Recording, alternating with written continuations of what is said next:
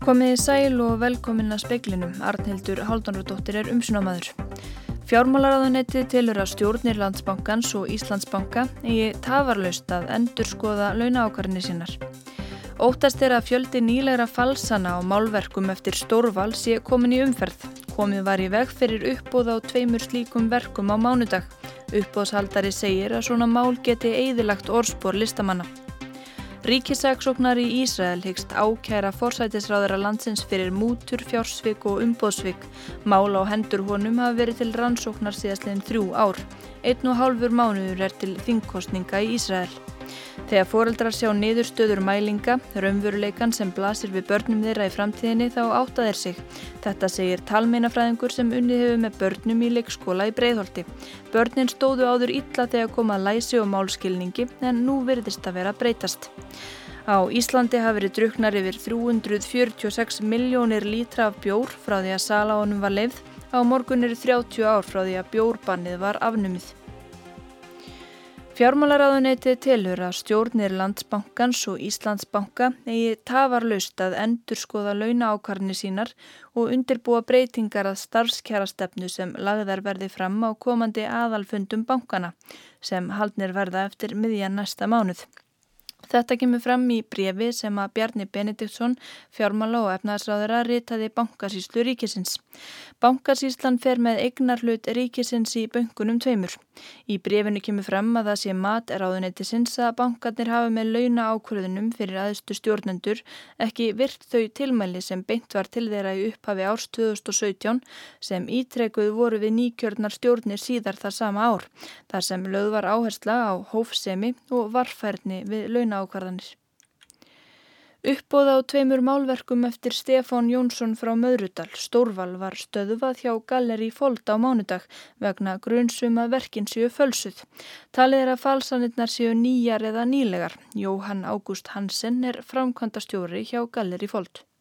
Við fengum um það ábendingar og höfum okkar efasendur um það einnig og við skoðum alltaf svona verk og öll verk sem við erum bjóðið upp og eftir þessar ábendingar og, og skoðuna þá köllum við til Ólaf Inga sem hefur verið að skoða verkin hjá okkur og þannig fór boltin af stað. Hvaðan komu þessi verk? Hvernig komu þau til ykkar? Eins og flest verk sem við fáum þá eru þau að koma frá einstaklingum sem eru að selja eða höndla með verk og við erum umbáðsæðala þeirra og í þessu tilfelli þá var þetta bara einstaklingur, reyndar góður viðskiptafinnur hjá okkur sem kemur með þessi verk, viðskiptafinnur sem við höfum vesla við í mörg mörg ár og höfum ekkert nema gott um að segja og ég hugsa að hann sé nú alveg grandalös í þessu máli. En hann hafði keift þessi verk einhver staðar út í bæ, ekki satt? Jú, hann hafði keift þessi verk, ég veit nú ekki alveg hvenar en, en kannski keiftu þau hjá öðru galleri hérna í bænum og kemur með þau hérna til okkar til þess að selja aftur. Hvaða afliðingar tilur að svona mál geti haft? Já, ef ekkert er að gert þá þurfum við endalust að berjast við þetta um alla ókona framtíð og þetta getur eigðilegt markað með ákveðna listamenn sem lendi í þessu. Það, verður, fólk verður vart um sig og, og forðast frekar þessa höfunda sem tengjast þessum málum. Þannig að þetta er mjög slæmt fyrir orðspor listamannina og fyrir markaðin í heilt. Saði Jóhann Ágúst Hansen í viðtali við Jóhann Bjarnar Kolbensson. Nánar verður fjallaðum þetta mál í fréttum sjónvarsklukkan 7. Stengrimur Jó Sigfússon fyrirverandi fjármálar á þeirra fagnar samþygt frumvarpsum aflandskrónur. Hann segir að alla ríkistjórnir sem setið hafa frá því neyðarlögin voru sett árið 2008 eigi góðan hluti því að koma Íslandi á þann príðilega stað sem það sé nú. Það hefur mikið gengið á á alþingi síðustu daga við að klára frumvart fjármálar á þeirri meðferð krónuegna sem háðar eru sérstökum takmörkunum og gældirismálum. Þingflokkur miðflokksins er eitt þingflokka á móti og hefur Sigmundur Davíð Gunnlaugsson formaði flokksins ítrekka vara við því að áform frumvarpsins skapi hættulegt fordæmi. Óli Björn Kárasson formaðar efnaðs- og viðskiptanemndar alþingis fagnar áfanganum en það sé verið uppfylla skildur. Við erum hér að taka eitt að loka skrefunum í afnámi hafta, í að koma hér á umgjörð sem er heilbriðari en við höfum gert. Það hefur verið markmiðið frá upphafi. Sagði Óli Björn Kárasson, Stengrimur Jóð Sigfússon sem nú er fórseti alþingis og hefur setið á alþingi samfleitt í tæp 36 ár, hann var fjármálar á þrá áránum eftir hrun. Hann fagnar sömuleiðist þessum áfanga. Heildar niðurstaðan er svo frú fórseti að allir geta ágætlega við sinn hlut unað í þessum ála mínum aðtíð. og allir flokkar og allar ríkistjórnir sem hafa komið að málum á Íslandi frá því að neyðarlaun eru sett 2008 þanga til í dagsins í dag eiga sinn góða hlut í því að Ísland er komið á þann príðilega stað sem það er á. Og auðvitað eru aðstæður svo gjörbreyttar að það hálfa væri nóg. Saði Stengrimur Jóð Sigfússon, Jóhanna Vigdís Hjaltadóttir tók saman. Vonast er til þess að í næstu viku verði hægt að reyna að staðsetja bíl Páls Mars Guðjónssonar í gjánni neðan við Ölfusárbrú með fjölgeislamælingu á dýft og lögun gjárinnar. Í tilkynningu frá lauruglu kemur fram að þetta hafi ekki verið reynt áður í gjánni. Fyrirleikur að laurugla heimilar ekki köfun í gjánni vegna þeirrar áhættu sem í henni fælist. Aðgerðina þurfi að undirbúa og veðurfarslegar aðstæður þurfi að vera góðar. Björgunarsveitamenn hafi í dag leitað á bátum á ánni og áfram á morgun en áformað er að fínkempa svæðið með stórum hóp leitarmannum helgina. Þyrlu landhelgiskeslunar verður flóið yfir leitarsvæðið á eftirlitsferðum sínum óháð öðrum leitaraðgerðum. Viðbröð stjórnvalda við efnahagsrunnu 2008 náðu ekki að hlýfa börnum við afleðingum þess. Árið 2016 áttu börn enn lengra í land en aðrir hópar við að ná sömu lífskjörum og fyrir hrun. Þetta kemur fram í skýslu um lífskjör og fátækt barna á Íslandi á ornum 2004 til 2016 sem kynnt var í dag. Á heildina litið eru lífskjör barna á Íslandi góð í samanburði við flest önnur Evrópulönd. Samkvæmt skýslunni sem unnin var af félagsfræðingnum Kolbini Stefánsinni fyrir velferðarvaktina eru Ímis vandamál þó óleist.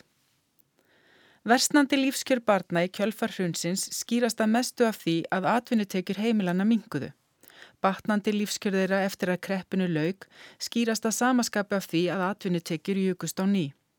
Aftur á móti telur skýrsluhöfundur að óhagstað þróum batnabóta, fæðingarorlofs og húsalegubóta hafi unnið á móti batanum. Þetta bendi ekki til þess að áhersla hafi verið lögð á að vernda börn fyrir áhrifum kreppunar eða bæta lífskjörðeira þegar hagur þjóðabúsins fóra vengast.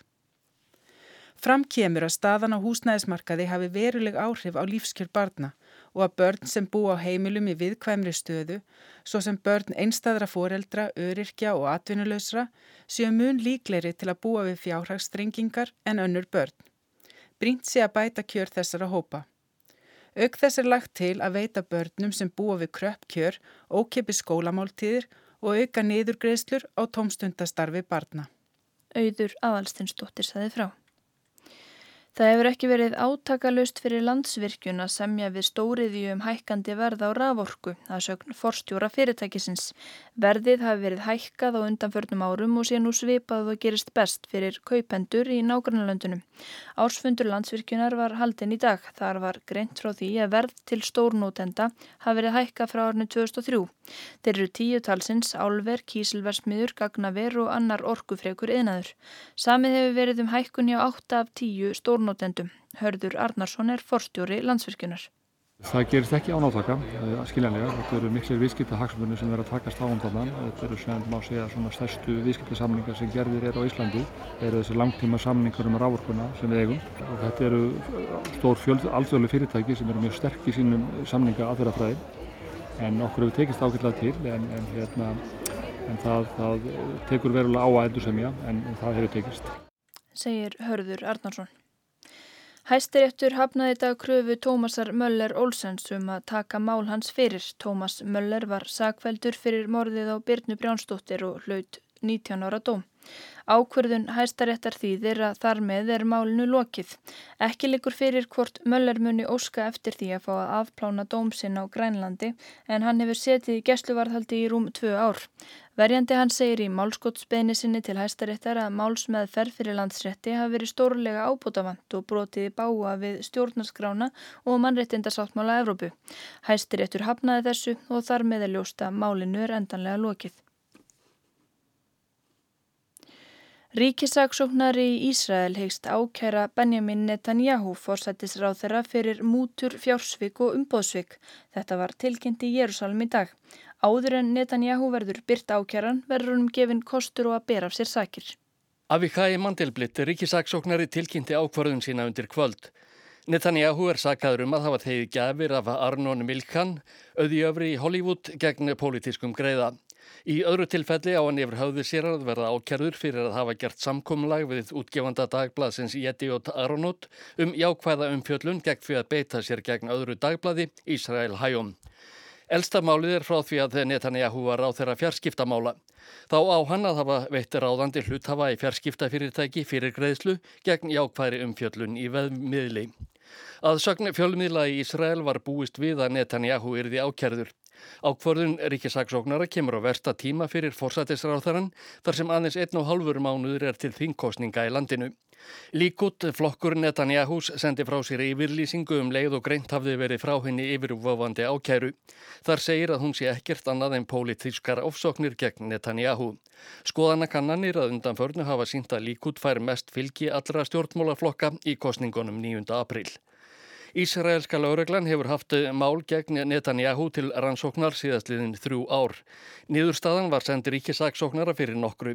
Það var á hans valdi hvort fórsætis ráþeran yrði ákjærður eða málinn láti nýður falla. Áskir Tómasson saði frá. Frá því að heimilt varð að selja bjór hér á landi hafa landsmenn rent niður röskum 346 miljónum lítra af bjór. Það samsvarar því að þeirra við drukki stóru lauguna í Laugardal 249 sinnum. Á morgun eru 30 ár liðin frá því að bjórin var lefður. Það er óhætt að segja að það hefði verið mikill gleðskapur á hennum ymsu krám í höfðaborginni gerðkvöldi. Já, það var mikið fjör fyrir 30 árum viðgútaðin 1. mars þegar 74 ára bjórbanni var aflétt. Þeir sem hafðu beðið eftir bjórnum tóku þessum tíðundum fagnandi og vantarlega feignir að vera lausi við að teiga bjórlíki. Miðbar Reykjavíkur fyltist af fólki sem vildi kneifa ölið, byðraðir mynduðust fyrir utan þá tildula fáu staði sem böð upp á bjór. Að minnstakosti voru þeir fáir með að við í dag.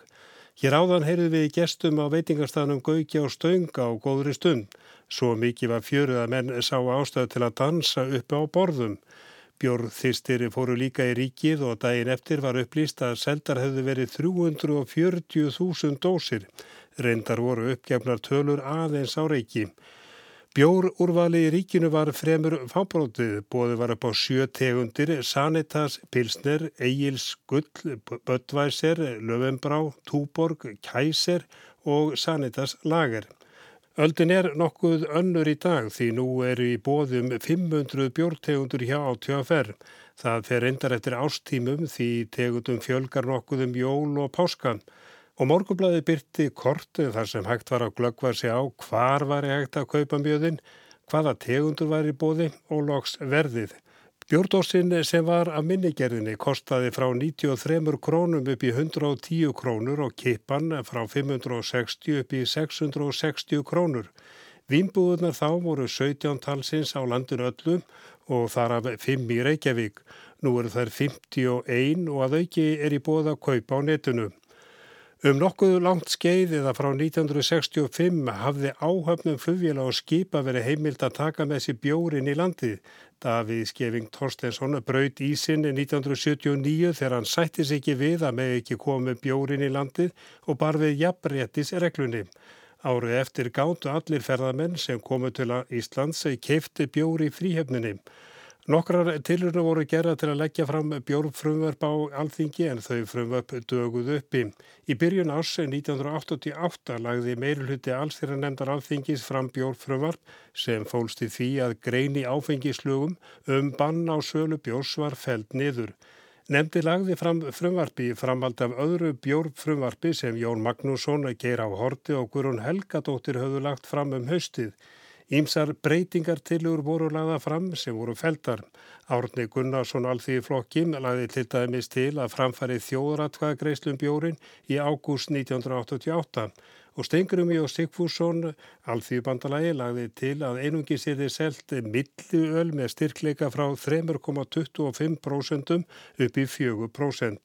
Frumvarpið var samþygt í neðri deild alþingis og menn lögðu við hlustir þegar greint var frá niðurstu atkvæðagreislunar í efri deild alþingis skömm eftir miðnætti 10. mæ í fréttum útvars. Arnstæðinga bjósins höfðu áhyggjur á aukinni drikju og vildu umfram allt ebla forvarnastarf og það var farið fram á nafnakall. Þrátt fyrir það að allar það er skýslur sem höfum fengið um áhrif sölu áfengsöls í nágrannlöndum okkar sína að það eru um gífulega aukna drikkjúlinga að ræða Þá hafa hátvirtir alþingismenn ekki verið tilbúin til þess að tryggja aukna fræðslu. Ég er móðir tvekja úlinga og segi þess vegna nei. Saði Margret Frímansdóttir Alþýðubandalagi og flóksbróður hennar Svavar Gesson var ekki sátur. Hann nefndi ímsar ástæði fyrir því að ekki ætti að heimila sölu á bjór. Að ég vil að þingið axli ábyrð gagvart unga fólkinu og framtíðinni af öllum þessum ástæðum og mörgum fleirum segi ég nei og bið menn enn að skoða hugsin áður að þeir taka á sig þá ábyrð sem fylgir því að hella áfengu öli yfir íslensku þjóðina. Og frumappið var að lóku samþýtt með 13 atkvæðum gegn áttan. En hvernig hefur bjórdrykjan þróast á Íslandi þessi ár? Það var tekin okkur hessilega á því á fyrsta ári. Þó að liðni var í tveir mánuður af árinu 1989 drukku við talsveit meira bjór það ár en árið eftir. Fóruminnar í 7 miljónir lítra á bjór árinu en árið eftir meldist bjórdrykjan tæpar 6,5 miljónir lítra. Sannkvæmt tölum frá ATFR hafa vinnbúðunar selt samtals 346 miljónir 397 bjórlítra þessi 30 ár eða fram að síðustu áramótum. Mikið að lítið, þessar rúmu 346 miljónir lítra svara til þess að við höfum drukkið stóru laugin í sundlugunum í laugardal 249 sinnum og gera maður áð fyrir að svipa magnhafi á endunum skila sér til sjáar. Bjórdrykjan hefur aukist jæmt og þett þessi 30 ár var komin í röskar 17 miljónir lítra í fyrra. Landsmönnum hefur líka fjölgað við vorum 252.1990 en í fyrra var fjöldi landsmanna um 348.000. Svo má ekki gleyma því að ferðamönnum hefur fjölgað talsvert og viðbúið er að þeir fái sér bjór af og til. Með mannfjöldan 1990 fyrsta heila bjórárið drukkum við um 25 lítra manna bjór. Í fyrra var þessi tala komin í um 49 lítra. Áfengisaldurinn er 20 ár. Ef við gleymum unglingadrykkjunu og mátum bjórdrykkjuna við þá sem hafa náð áfengisaldri, namú 1990 um 39 lítrum að mann og í fyrra var hún komin í 67 lítra. Og það var Magnús L. Sveinsson, fórsviti borgarstjórnar Reykjavíkur sem formlega rauð bjórbannið fyrir 30 árum með því að klippa á borða á veitingahúsi. Hér er það mikið lánægja að klippa nú á 76 ára gamalt ölbann á Íslandi.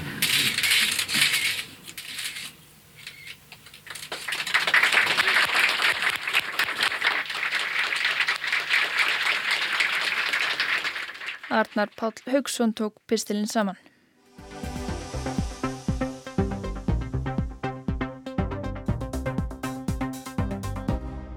Þegar foreldrar sjá niðurstöðu mælinga, raunveruleikan sem blasir við börnunum þeirra í framtíðinni ef ekkert er aðgert, þá áttaðir sig. Þetta segir talmeinafræðingur sem unnið hefur með börnum í leikskólanum Ösp í Breitholti. Börnin sem útskrifiðust af Ösp stóðu áður mörg mjög illa þegar komað læsi og málskilningi. Nú virðist þetta vera breytast þökk sé markvissu málörfunastarfinan skólans og virkri þáttöku foreldra heimafyrir. Speilin heimsótti Ösp skóla þar sem lang flestir nefnendur tala tvö eða fleiri tungumál. Hæ, viltu segja mér hvað þú heitir? Tímatus. Og viltu segja mér hvaða tungumál þú talar? Polska og Íslandsk. Hvaða tungumál talaru í leikskólan? Ísland. Talaru aldrei polsku í leikskólan? Um, mína venil tala svona polsku en ég tala polsku líka. En þú átt líka polska vini í leikskólanu sem þú stundum tala við? Já. Hvað heitir þú? Kristal. Og hvaða tungumál tala þú? Filipsjar. Og hvernig finnst þér að tala filipsísku? Mm, gott.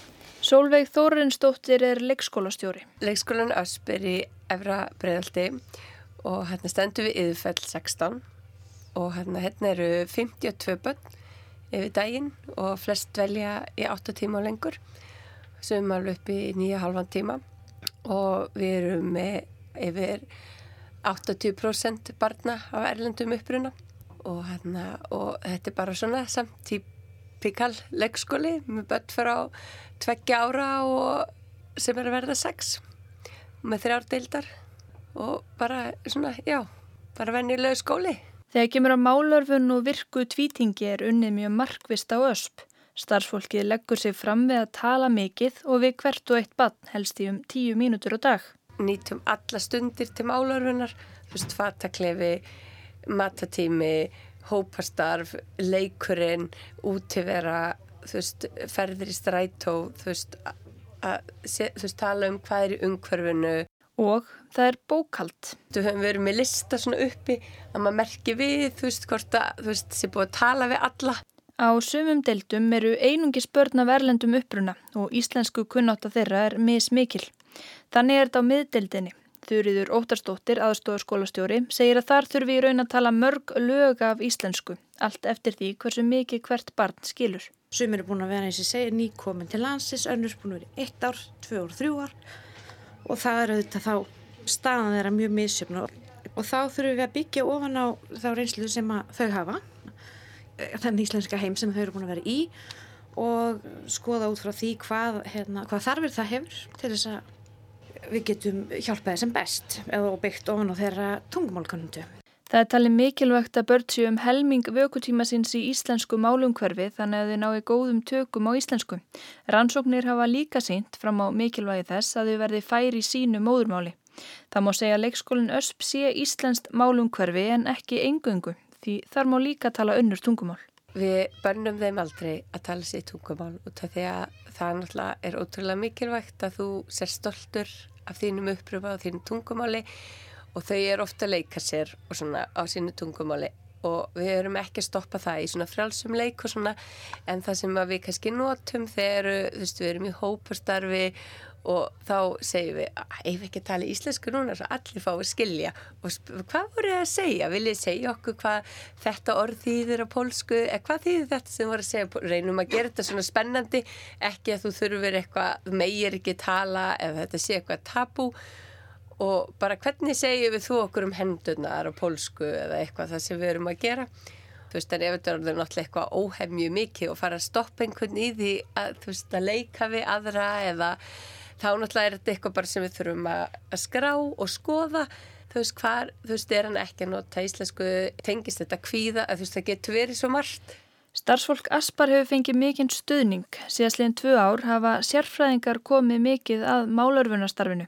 Einn er að er Bryndi Skuðmundsdóttir, talmeinafræðingur, en hún er á ösp alla miðugudaga. Vorið 2017 þá kemur Helga Ágústóttir að málið við mig, hún er verkefnistjórið þessa verkefnis og óskar eftir ég komi að uh, þessum leikskólum ösp og, og holdi sem að hafa svona staði kannski einna verst uh, á þessum sviðum, hvað var þar mál og, og undirbúningstætti fyrirlæsi þannig að börnin hafi raun ekki verið að koma nægilega vel undirbúin einhverja hlutavegna inn í grunnskólan og við vitum að snemtak í hlutin hún er mjög mikilvæg. Uh, ég sá strax að þetta var æri verkefni og fekk í lið með mér uh, mjög öflugan talmennafræðing Tinnu Sigurðardóttur sem er hjá tröppu þannig að við Tinna höfum verið að sinna þessu mjög kröftulega og komið inn með mjög virkum hætti og það sem við gerðum og það held ég sé algjörlega einstæmi, algjörst einstæmi, við byrjum á því að kortleggja stöðu allra barnana. Við ætlum ekki bara að tala um það hvernig þau stóðu, við lögðum fyrir þau reyndar málþórskaprófi í íslensku þannig að við höfum ekki þess að meta stöðu þeirra í eigin tungumáli. En við lögðum málþórskaprófi fyrir öll börn hér í skólanum, þryggjar og eldri En sagt, kortlagningin hún fleitt okkur áfram þannig að við vissum við hvað var að etja. Það var alveg sko númlega 80% barnana sem stóðu verulega illa í málþróska og við höfum verið að vinna með þessa þætti og lagt sérstaklega áherslu á þá þætti sem við vitum að skipta megin máli gagvart læsi bæði því sagt, hvernig við lærum að lesa tæknilega að börn getur umskráð sagt, bókstafi yfir í hljóð og svo hins vegar að byggja á orðaforðanum sem að undirbýðu í að, að, að fyrir það að skilja þann texta sem við svo að lesa í framtíðinni. Það er unni með ákveðin þemu. Þessar vikurnar eru börnin til dæmis að læra nöfn vikudag og mánada og orð tengt veðrinu. Þá læra börnin orðin svo rigning, fymtudagur og februar í leikskólanum. Heima taka fóreldrarni við og kenna sambærilegan orðaforða á sínu tungumáli. Sólveig segir mikilvægt að byggja markvist upp sama orðaforða í báðum málum. Það er ekki bara unni með þemategndan orðaforða, það er líka unni kerfisbundi með hljóð og bókstafi heima og í skólanum, auk ímissa málþroska þáttar. Bara svona lítið dæmi, um, vinna með hann og hún, að geta greint á milli, sagt, hann og hún, geta hérna, Eh, átta sig á, á grunnhugtökum sem að skipta verulega miklu máli eh, ekki bara til að skilja lesinteksta, eh, þau skipta líka verulega miklu máli fyrir stærfræði tómt fullt stór, stærri Á ösp var haldinn foreldrafundur til að kynna verkefnið fyrir foreldrum. Það var skildumæting og allir sem að vildu fengu tólk. Á fundinum var rætt um þátt foreldrana í því að stuðlað virku tvítingi. Sólveig segir fóreldra hafa verið áhuga sama, þá hafa þetta verið valdeflandi fyrir marga. Og það veist, þau kannski hugsa, ég kann ekki íslensku, þú veist, hvað get ég gert til að stiga barnið mitt í skólanum, en það er náttúrulega, er svo, þú veist, ótrúlega mikilvægt að þau bara, þú veist, sé hluti af því sem við erum að gera á sinnhátt. Bryndis hefur á svona teinum sérfræðingunum fyllt nemyndum sem útskrifuðust af Ösp og Holti á síðasta ári upp í fyrsta bekki grunnskóla í fellaskóla. En hluti af þessu verkefni var að fylgja líka eftir og mæla. Það er ekki nóg að, að uh, segja eitthvað af því maður heldur eitthvað. Það eru töfrar í tölum. Það skiptir verulega miklu máli að við mælum og metum það sem við erum, erum að gera. Því að það eru auðvitað verið að veita fjármagn í þetta. Hún segir tölurnar tala sínu máli. Árangur barnana á stöðluðu prófi sem að lagt er fyrir fyrstubekkinga síni að starfið í leikskólanum sé þegar farið að skila árangri. Það er verulegur marktækur munur sem að sínir hvað, hvað hérna börnin sem að fóru inn í, í fellaskóla í haust, hvað þau standa marktækt betur heldur en börn síðustu ára sem er að koma úr þessum skólum hér. Því til viðbótar að þá sögðu nú bara kennara strax þegar bekkurinn kom inn eða börnin kom inn hvað þetta væri frábær hópur hann sagt, uh, kunni að vinna hann svona kom sér að verki og, og, og hérna uh, hlustaði betur, fyldi betur fyrirmælum og, og svo framvegis. Þannig að allt þetta byggi nú á því að maður skilji máli líka. Það þarf sérst að vinna svona markvist með þetta. Það er ekki bara þetta að búast við því að þau svona drekki í sig íslenskunna frá kennurunum Nei, það gerist ekki sjálfkrafa. Uh, ég fullir í það Rannsókn Margreðar Pálsdóttur, kennara við Egilstaðaskóla, síndi að börn sem flytja enga stálpuð ná betri tökum á íslensku en þau sem alast hér upp tvítingt. Margreð skrifaði þetta á það að eldri börnin hefðu sterkan grunn í móðurmáli sínu við komuna til landsins. Bryndi segir þetta benda til þess að það hafi vantað upp á að fræða foreldra um þátt þeirra í að stuðlað virku tvítingi. Það var mjög ljóst hér alveg frá byrjun að foreldrar höfðu líka áhyggjur. Svo var annar hópu sem kannski var ekkit endilega velta þessu fyrir sér. En þegar að þeir foreldrar heyra og sjá þessar tölur sem blasa við, raunveruleikin sem blasir við barninu þeirra í framtíðinni þá sko sá maður svona kvikna ljós í, í augum og, og hérna fóreldrana og þeir fóru að átta sig því að sko við þurfum að gera fóreldrum grein fyrir því að þeir bera mikla ábyrð gagvart barninu sínu. Þeir eru náttúrulega fyrst og fremst þeir aðilega sem þurfa að skila barninu sínu út í heiminn þannig að það, það, það sé raunverulegur jöfnuður en við þurfum að, að taka alla þá einstaklingar sem við byrjum ábyrð á og við þurfum að búa þeim það umhverfi að, að hérna, þau geti alltaf glætt og, og styrt hæfileika sína og getu. Markmiðið er að þessi hópur sem að fer hérðan úr leikskólanum að hann hafi þann grunn að eh, þau geti valið sér það sem þau vilja í framtíðinni geti valið sér framtíða starf, þau hafi sambarilegan orðaforða og, og sambarilega hæfni til þess að, að ljúka námi. Það var vissulega verk að vinna og þetta er ekki búið, við heldum áfram og, og hér verður orðið til þekking sem að á að skila sér inn í framtíðina alveg frá leikskóla. Við erum ekki að byrja í grunnskóla, við erum að byrja strax í leikskóla með því að breyta starfinu, breyta áherslum sagði Bryndís Guðmundsdóttir og það var meðal efnis í speiklinum að fjármálaráðuneti telur að stjórnir Landsbankans og Íslandsbanka eigi tafarlust að endur skoða launaákvarðanir sínar. Óttast er að fjöldi nýleira falsana á málverkum eftir stórvalsi komin í umferð komi var í veg fyrir uppbóð og tveimur slíkum verkum á mánudag. Uppbóðshaldari segir að svona mál geti eðilagt orðspór listamanna. Ríkissaksóknar í Ísrael hyggst ákjæra forsættisræðara landsins fyrir mútur, fjársvik og umbóðsvik. Mál á hendurunum hafi verið til rannsóknar síðastliðin þrjú ár. Einn og hálfur mánuður er til þingkostninga í Ísrael. Veðurhorfur á landinu til miðnættis annað kvöld, austan strekkingur og morgun en kvassara á vestfjörðum. Snjó koma fyrir norðan og fristir þar en regning sunnanlands og lýra. Þá er ekki fleira í speklinum í kvöld. Tæknimaður var Magnús Storstedt Magnússon. Verið sæl.